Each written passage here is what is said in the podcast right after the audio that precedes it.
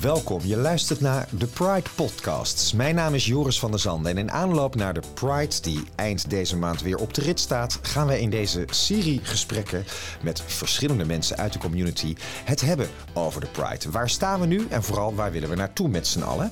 En de Pride ligt de laatste tijd nogal onder vuur. In die zin, er wordt kritisch gekeken naar de Pride en daar gaan we het onder andere in deze podcastserie over hebben. En ja, als je het gaat hebben over Pride, dan moet je natuurlijk beginnen bij de man die ooit aan de wieg stond van de Pride. Een van de founding fathers van Pride Amsterdam. Toen heette het volgens mij nog anders, maar dat gaan we hem zelf vragen. Heel hartelijk welkom, Siep de Haan. Ah, leuk joh, ja. om hier te zijn. Vind ik ook. Fijn dat je er bent. We kennen elkaar. We hebben natuurlijk elkaar vaker gezien. Hè? Uh, Salto, de omroep waar ik voor werk, is ook al uh, een aantal jaren nauw betrokken bij de Pride. En in die zin maken wij Pride TV. Nou, daar ben je al een aantal keren te gast geweest. Uh, maar ik heb jou nu uitgenodigd voor deze podcastserie. Omdat, uh, ik zei het al even in de introductie, uh, Pride ligt onder de loep, laat ik het zomaar even noemen. Hè. Er wordt, nou volgens mij is er elk jaar wel altijd discussie over de Pride.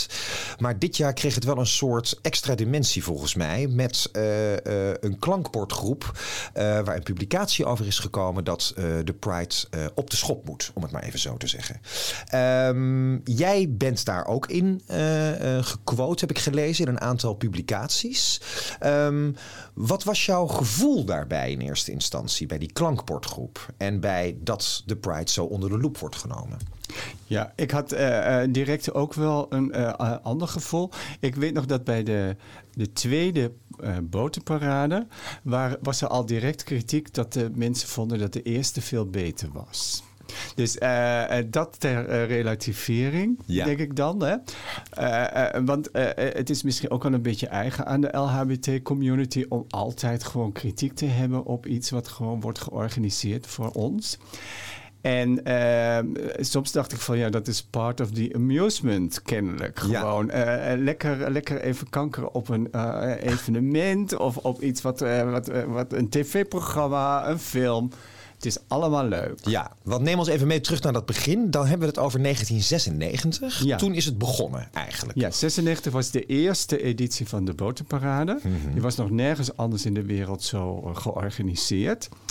En dat wilden we omdat we dachten Amsterdam is een kleine stad. We begonnen heel laat met de Amsterdam Pride. Dus we moesten een opvallende formule bedenken. En dat was die botenparade die nergens anders uh, te zien was. Inmiddels is het al in Utrecht, Alkmaar, Dordrecht, Groningen, weet ik veel waar. Maar Amsterdam was de eerste en dit jaar is de 25ste. Ja, dus extra groot feest eigenlijk ja. dit jaar. Hè? Want we moesten ja. het een aantal jaren uitstellen vanwege corona. Dus ja. de botenparade kon niet doorgaan. En wat je zegt klopt natuurlijk. Hè? Utrecht heeft nu een botenparade, onder andere Dordrecht. Maar oh, het is maar... dus wel uniek voor Nederland eigenlijk. het blijft een unieke uh, formule. En uh, ja, daar ben ik gewoon natuurlijk uh, ontzettend trots op had ik niet gedacht dat hij het zo lang uh, vol zou houden, die formule. Want waarom had je gedacht dat dat het niet zo lang zou volhouden dan? Nou, ik dacht omdat er altijd zo gemopperd wordt. Uh, ik dacht, if, eigenlijk dacht ik, na drie keer is men wel uitgekeken op die botenparade.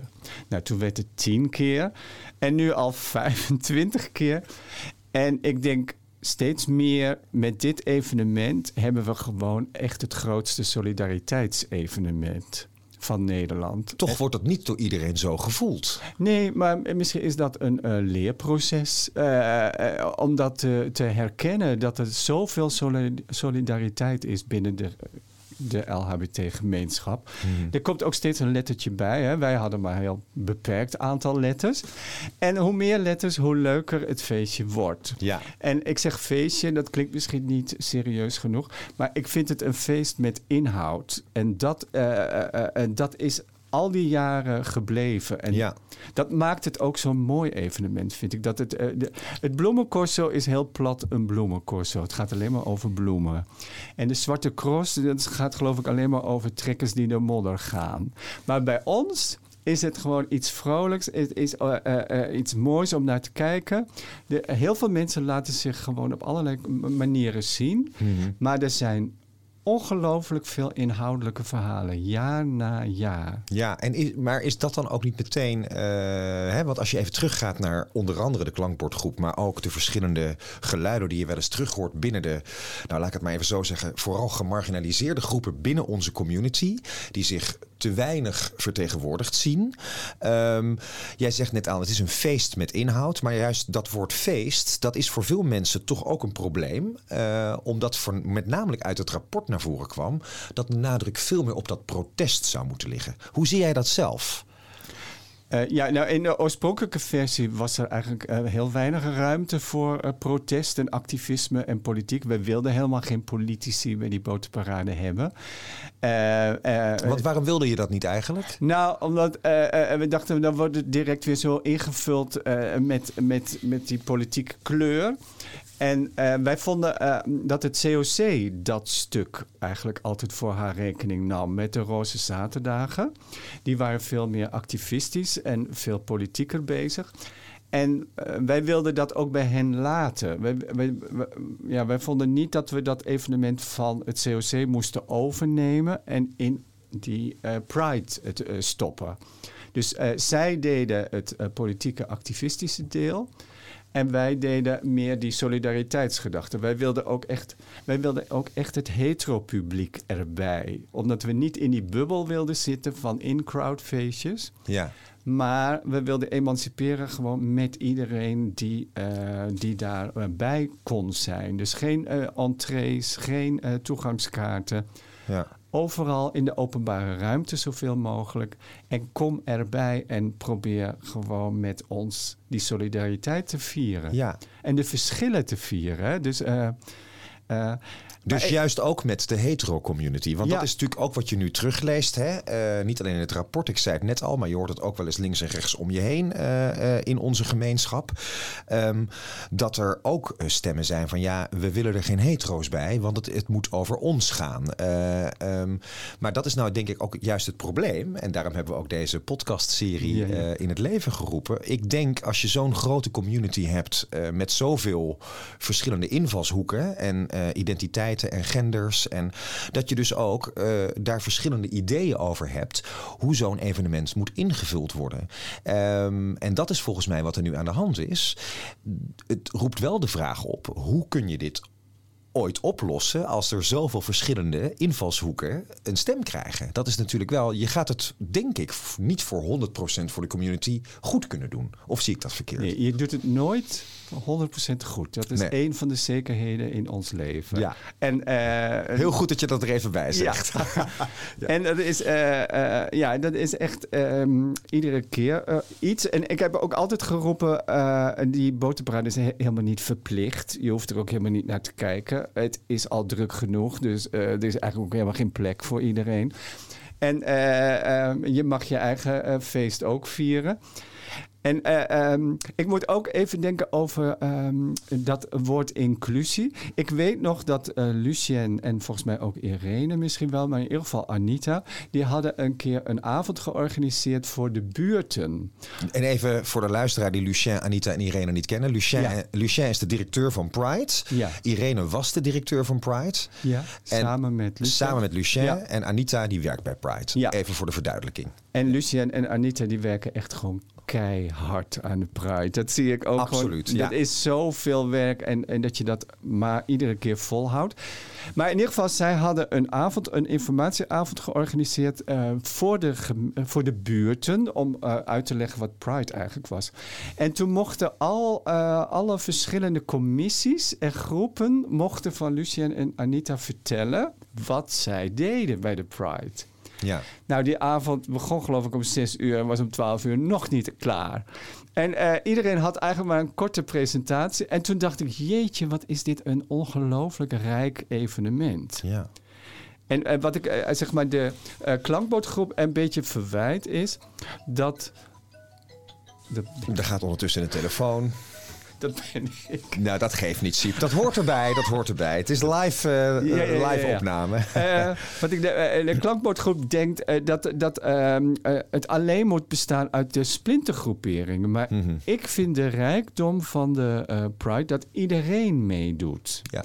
En eh, eh, dat we elkaar uitnodigen om, eh, om vooral aan te haken. Want even terug naar die klankbordgroep, hè, ook voor de luisteraar die dat hè, niet zegt misschien. Er is een, een, eh, er is een eh, de gemeente heeft eigenlijk de opdracht gegeven. Je moet me maar even corrigeren als ik het niet goed zeg. Tot, eh, tot een nieuwe visie eh, op het beleid van Pride. Hè. Dat wordt eens in de zoveel tijd wordt daar een vergunning voor afgegeven. En die hebben een, een bureau ingeschakeld, een onafhankelijk bureau. En die hebben een klankbordgroep samengesteld. En daar zijn verschillende partijen bij betrokken geweest. Weten wij welke partijen dat zijn? Wie Nou, zijn die partijen? Eh, eh, heel lang eh, is zeer onduidelijk geweest wie die klankbordgroep eigenlijk precies is. Hè? Gewoon Ja. wie daar allemaal zitting in hebben. Het zijn ook splintergroeperingen die ik zelf eigenlijk helemaal niet herken. En, eh, en in al die jaren ook niet altijd heb gezien. Maar er zitten ook wel wat grotere eh, groepen bij. Wat gelukkig wel direct het geval was, dat de klankbordgroep eh, nog maar nauwelijks bestond of al in vier groepen was uiteengevallen. De gemeente schreef vanwege turbulentie. En eh, dus eh, kennelijk was de klankbordgroep ook niet één groot gesloten ge- front. Dus ze waren al direct in vier groepen uiteengespat. en konden ook niet met elkaar kennelijk in één kamer verblijven. Dat zegt misschien ook al iets. Maar dat geeft ook aan dat, er- dat, er, eh, eh, dat er meerdere geluiden zijn. En je moet, je moet eigenlijk die geluiden van elkaar blijven verstaan. Ja. Dus ik wil heel graag dat mensen van de klankbordgroep ook hun verhaal vertellen. Ik weet ook dat er, er zitten ook allemaal mensen in die al sowieso bij ons in de commissie zitten. We gaan er ook mensen voor uitnodigen Ja. voor deze podcast. Dat we Ik die verschillende Ja. visies daarop horen. Ja. Ik heb, ik heb mezelf ook een beetje in de klankbordgroep gezwommen, zeg maar. Ik dacht van, ik wil daar ook bij horen. Ik vond het heel vreemd. Want het was een beetje een eenzijdig eh, samengesteld groepje. En eh, dat verwijt ik de gemeente, dat ze eigenlijk een, eh, een onvoldragen rapport naar buiten, buiten hebben gebracht. Waar een klein groepje heel veel lawaai mocht maken. Het NOS-journaal, het Parool, uit de Vijf zijn er allemaal ingetrapt omdat het onderzoek zeg maar te klein was en het grote onderzoek moest daarna nog plaatsvinden. Vandaag, toevallig vandaag, is dat grote onderzoek bekendgemaakt.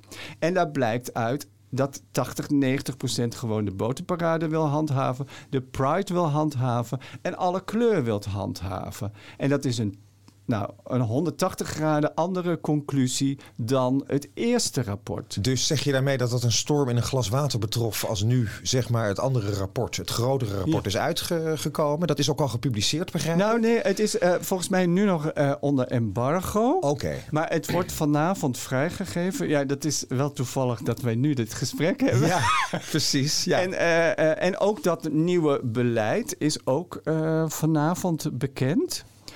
En, eh, maar in ieder geval blijkt daaruit dat er, dat er twee verschillende onderzoeken eh, zijn. En Mhm. eentje is onvoldragen, die door de gemeente bewust naar buiten is gebracht. Zonder te zeggen, dit is alleen maar het geluid van de splintergroeperingen. Ja. En dat vind, ik, dat vind ik heel kwalijk en schadelijk van de gemeente. Het is een soort wegdrijven tussen al die groepen die er bestaan.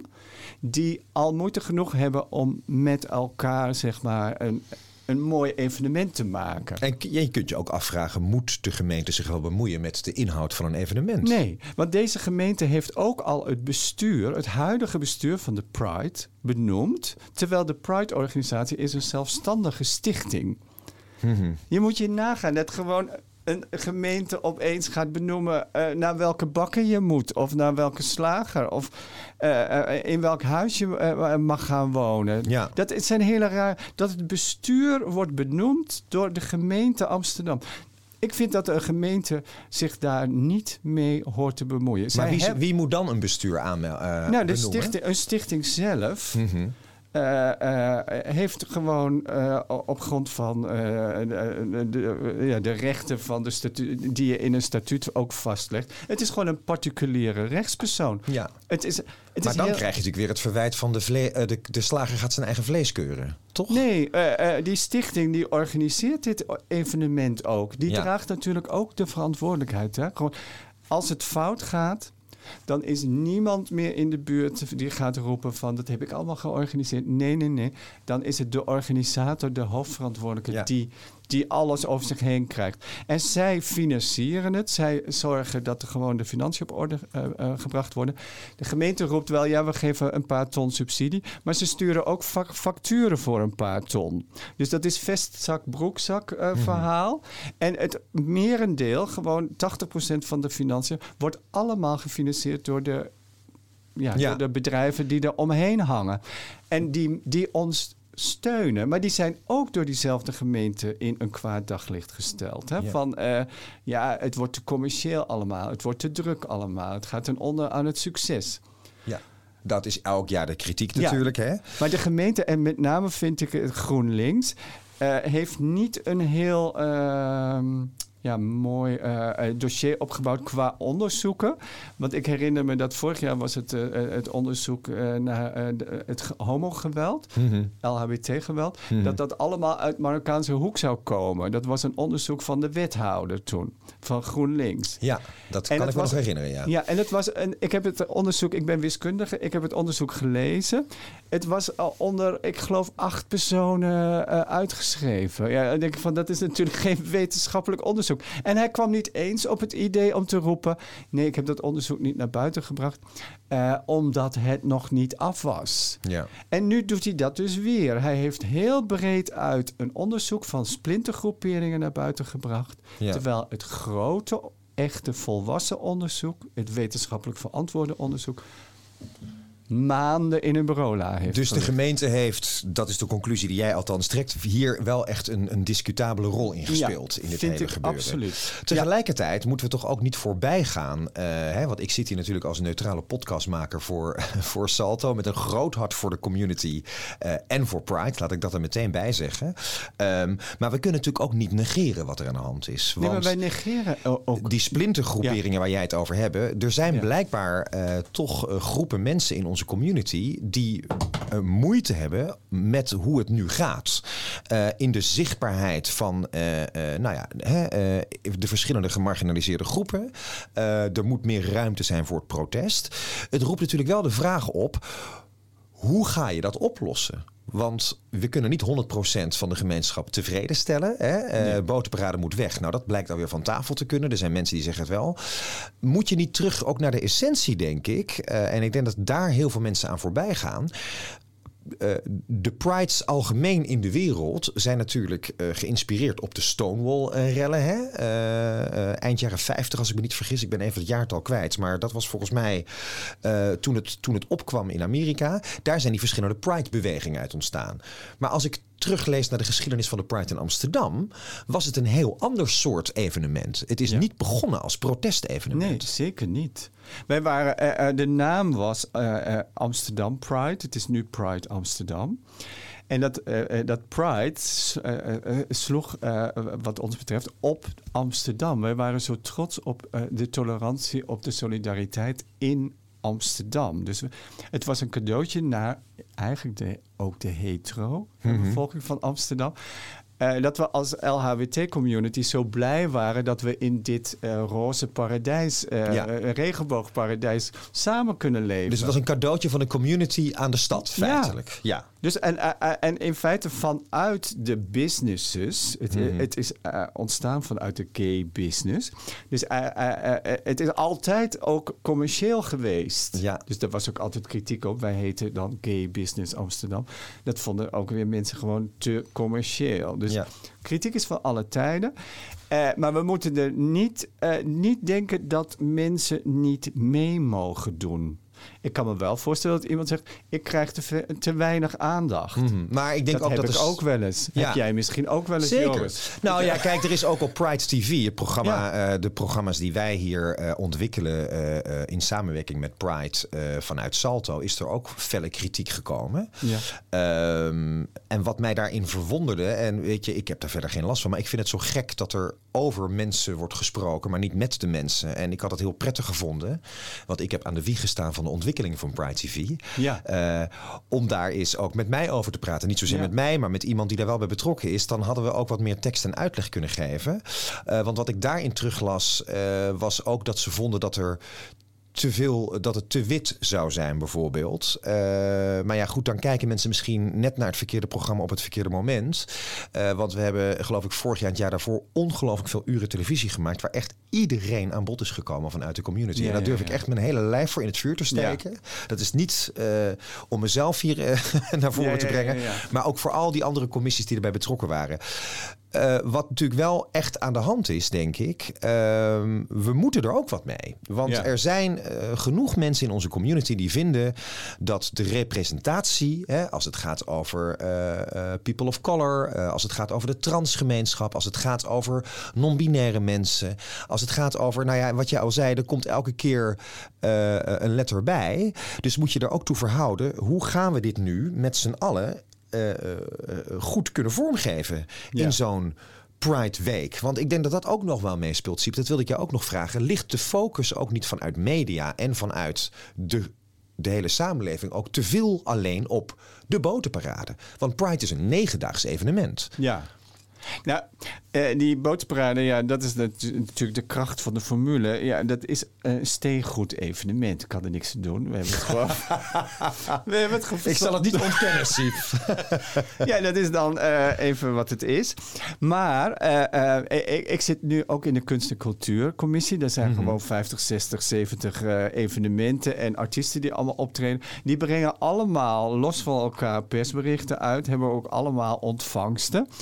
Eh, eh, en, die, en die willen natuurlijk gewoon de aandacht. Maar omdat het relatief natuurlijk maar een korte periode is, negen dagen. Je krijgt niet allemaal die aandacht. Nee. Als het NOS Journaal één keer gewoon bij een, eh, een Pride-evenement is geweest, gaan ze niet nog een keer. En het Parool zal best nog wel iets meer doen. eh, Ja. aan, eh, aan, aan- Het is natuurlijk ook het hoogtepunt van die negen dagen. Dus het is logisch dat de media daar dan op inzoomt.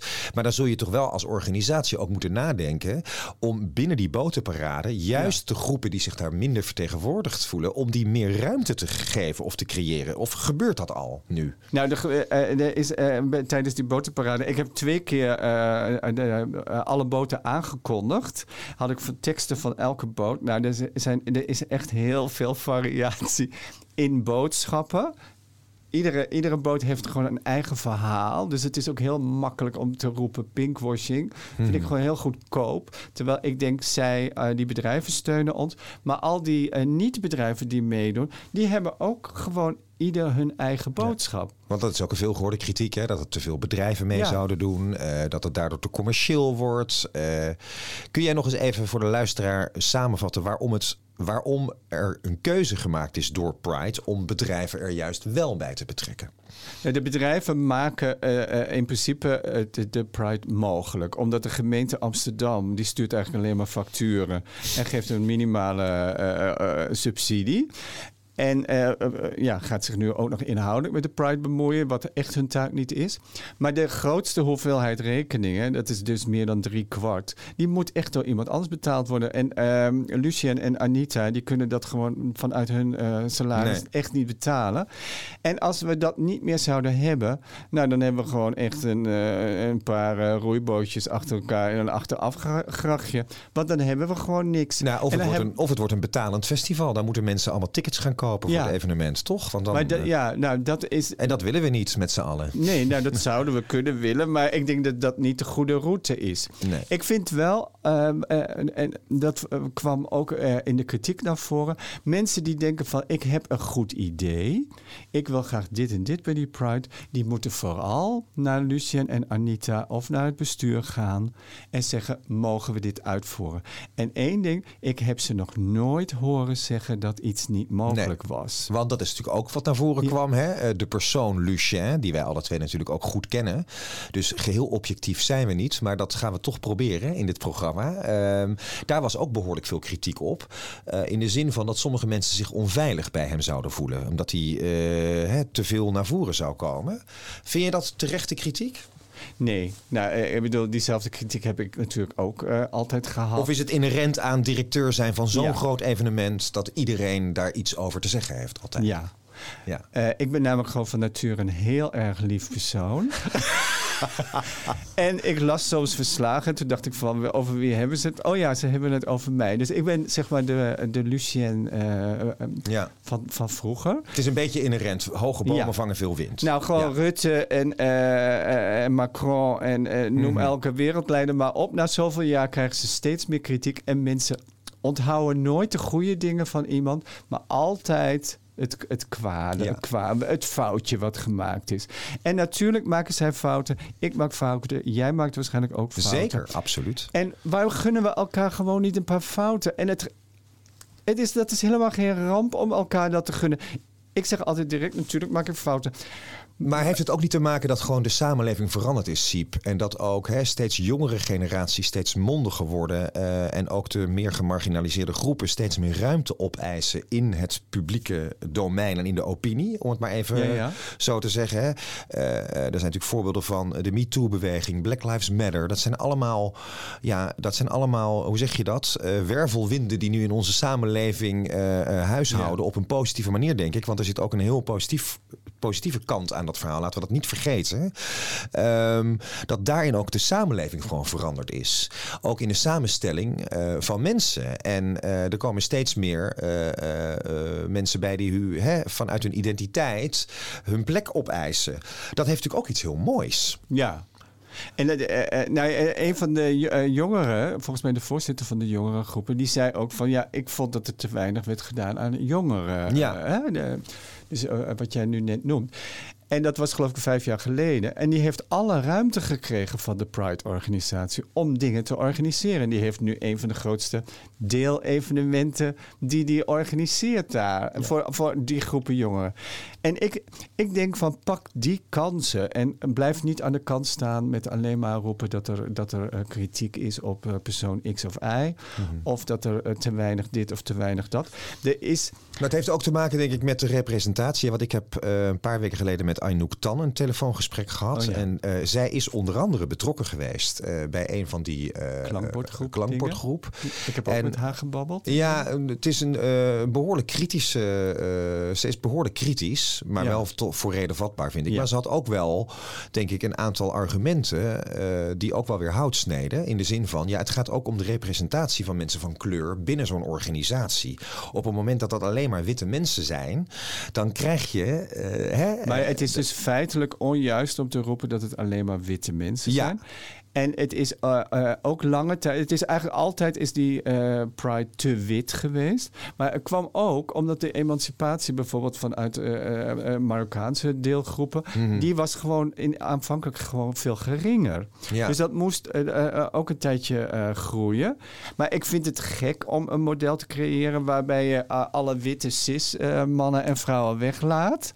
Zodat je dan een podium hebt waar je alleen maar kleur ziet. Ja. Dan denk ik van, dat vind ik dan weer een omgekeerd uitsluitingsprincipe, wat we ook niet moeten doen en willen. Ik ga even een, uh, een knuppel in het, in het. Is het het hondenhok of het hoenderhok? Ik weet Hoender? het. Het hoenderhok, sorry. heel oud woord, heel oud woord. Moeten we ons, dat is, uh, uh, dat vraag ik me gewoon af. Moeten we misschien ook niet eens een keer gaan nadenken over het feit of we wel één community zijn? Zijn we wel één community met z'n allen? Nee, dat hoop ik, dat hoop ik wel. Maar wel, ik vind het zelf altijd wel belangrijk om te zeggen, vier de verschillen. Ja. Want ik, juist die verschillen maken het zo'n mooie community. Waarom moet alles gelijk zijn? Nee, dat moet wel een soort Dat- gelijkwaardig zijn. Want stel dat in jouw eh, programma geen witte mensen en geen witte vrouwen, geen witte mannen, geen witte genders meer zitten. Dan denk ik van, ja, dat is toch geen compleet programma? Nee. Jij moet, en, dat geldt ook voor de ambassadeur. Nou, het heeft ook iets, het heeft ook iets heel dubbels. Want uh, om het programma samen te stellen, uh, kijken we altijd heel kritisch ook naar de representatie van de gasten die we uitnodigen. En dan ben je eigenlijk op een hele nare manier aan het categoriseren ja.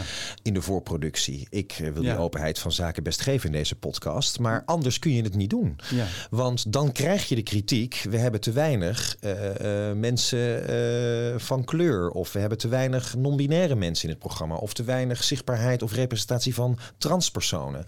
Dus daar moet je toch heel kritisch naar kijken. Ja. Uh, en dit jaar uh, uh, zijn de witte cis-mensen wel in de minderheid. Daar hebben we bewust voor gekozen. Om... Maar dat is, wel, dat is natuurlijk wel merkwaardig. Ik werk nog steeds in het onderwijs. Ik zie, ik zie bijvoorbeeld op onze school zouden 150 kinderen, jongvolwassenen, zouden um, tot de LHBT-groep moeten behoren. Ja. Dit zijn er geloof ik maar acht. En onze school heeft inderdaad veel kleur, maar heeft ook heel veel witte... Mm Witte homo-kinderen, lesbische kinderen, genderkinderen, die nog niet zich durven uiten. En waarom mogen die niet meer hun verhaal vertellen? De discriminatie is gewoon heel erg breed nog. Mhm. We moeten ons eigenlijk, denk ik ook, uh, blijven eh, steunen in dit hele verhaal. Ja. Uh, en dat is wat ik zelf een beetje jammer vind. Niet zozeer van de klankbordgroep, want uh, ja, ik heb daar eigenlijk niet zoveel mee te maken. Maar ik volg natuurlijk wel op de voet met bovenmatige interesse. En wat mij, en niet alleen in dit geval hoor, maar in vaak als dit soort, dit soort thema's naar voren komen het allerbelangrijkste is denk ik dat je met elkaar in gesprek blijft. En wat ik soms een beetje merk, en dat heb ik ook een beetje, dat gevoel ik door die groep, is dat mensen worden buitengesloten van zo'n groep. Daar gaan we het niet, daar willen we niet mee praten, want wij vinden dit. En als iedereen dat dus blijft doen, dan krijg je een, inderdaad wat jij zegt, dus een heel eenzijdig beeld. Terwijl als je met elkaar in gesprek gaat, ja. dan krijg je misschien een oplossing, uh, of in ieder geval een, een poging tot een oplossing die uh, voor heel veel mensen wel kan werken. Hoe zie jij dat? Ja, en daarom vind ik die rol van de gemeente hierin niet zorgvuldig uh, geweest. Mm -hmm. Door het accent te leggen op alleen de splintergroeperingen en de mening van de mainstream LHBT, de grootste groep, om die maar even onder tafel te laten uh, liggen, onder tafel te vegen. Dat is niet goed geweest uh, van de gemeente. Ik denk dat ze dat zo langzamerhand ook wel hebben ingezien, want ze hebben heel veel kritiek ook gekregen vanuit de gemeenschap. Mhm. Maar ik vind inderdaad dat we elkaar moeten leren verstaan en een plekje in de zon gunnen. Ja. En, uh, Anderen misschien iets meer dan het plekje ja, maar uh, uh, Want kijk, dat is natuurlijk wel zo. Ik, we moeten ook niet preken voor eigen parochie, Siep. Ik ben het volledig met je eens.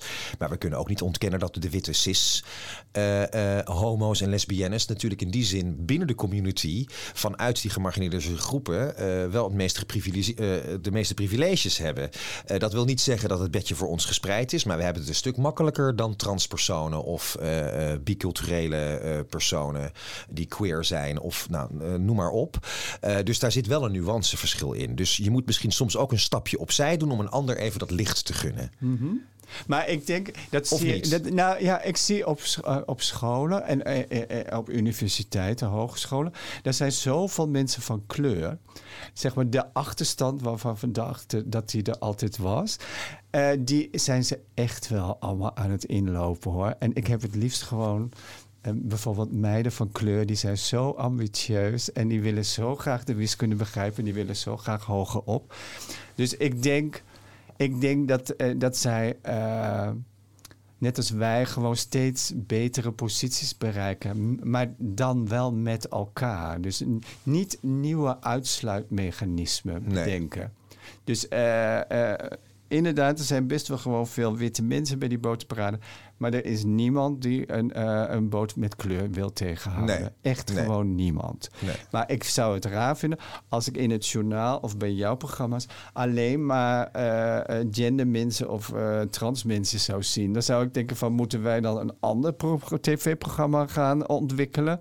Dat is een slechte ontwikkeling, zeg je eigenlijk. Ja, dat vind ik een slechte ontwikkeling. Dus uh, je, moet, uh, je moet ook wel getalsmatig naar de verhoudingen kijken. En Ja. Nou, uh, je, uh, ja, ik moet me ook welkom blijven voelen als witte cis-homo. Zeker, zeker. Nou ja, die kritiek hoor je natuurlijk ook wel uit de witte cis-gemeenschap... die zich steeds zuurder begint op te stellen tegen dit soort kritiek. Maar goed, en dat, ook is, dat hoort dat is dus in niemands belang. Nee. Hè? Terwijl, ik denk dit evenement... Ik denk, dat we, ik denk zelfs gewoon dat we in Nederland niet een groter solidariteitsevenement hebben... dan de Pride Amsterdam. Ik denk dat, dat ik me daar... Nou, ik weet wel zeker dat ik me daarbij aansluit. En laten we ook niet vergeten dat het uh, landelijk gezien een van de allergrootste evenementen is. Hè? Uh, ja. Zeker voor de stad Amsterdam. Er komen jaarlijks, geloof ja. ik, een, een, een, half miljoen tot 750.000 mensen naar ja, de stad om van het evenement te genieten. En dan staan er dus ook, uh, en dat is natuurlijk de discussie, dan staan er ook gezinnen langs de botenparade met, met kinderwagens, waar vervolgens ook weer kritiek op is. Hè? Want dan sommige mensen zeggen, oh, die komen homootjes kijken. Die kritiek heb ik ook wel eens gehoord. dus het blijft altijd een gevoelig onderwerp. Tot slot. We gaan nu de 25e botenparade vieren. Waar is de Pride over 25 jaar? Dus over we gaan even nu voorbij en we gaan 25 jaar vooruit in de tijd. Waar staan we dan? Wat hoop je waar de Pride dan staat?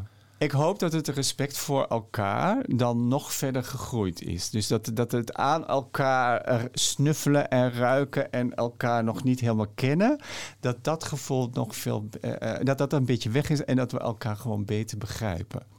Nou, dat vind ik een heel mooi om mee af te sluiten. Het thema van dit jaar is My Gender, My Pride. Wat is jouw gender?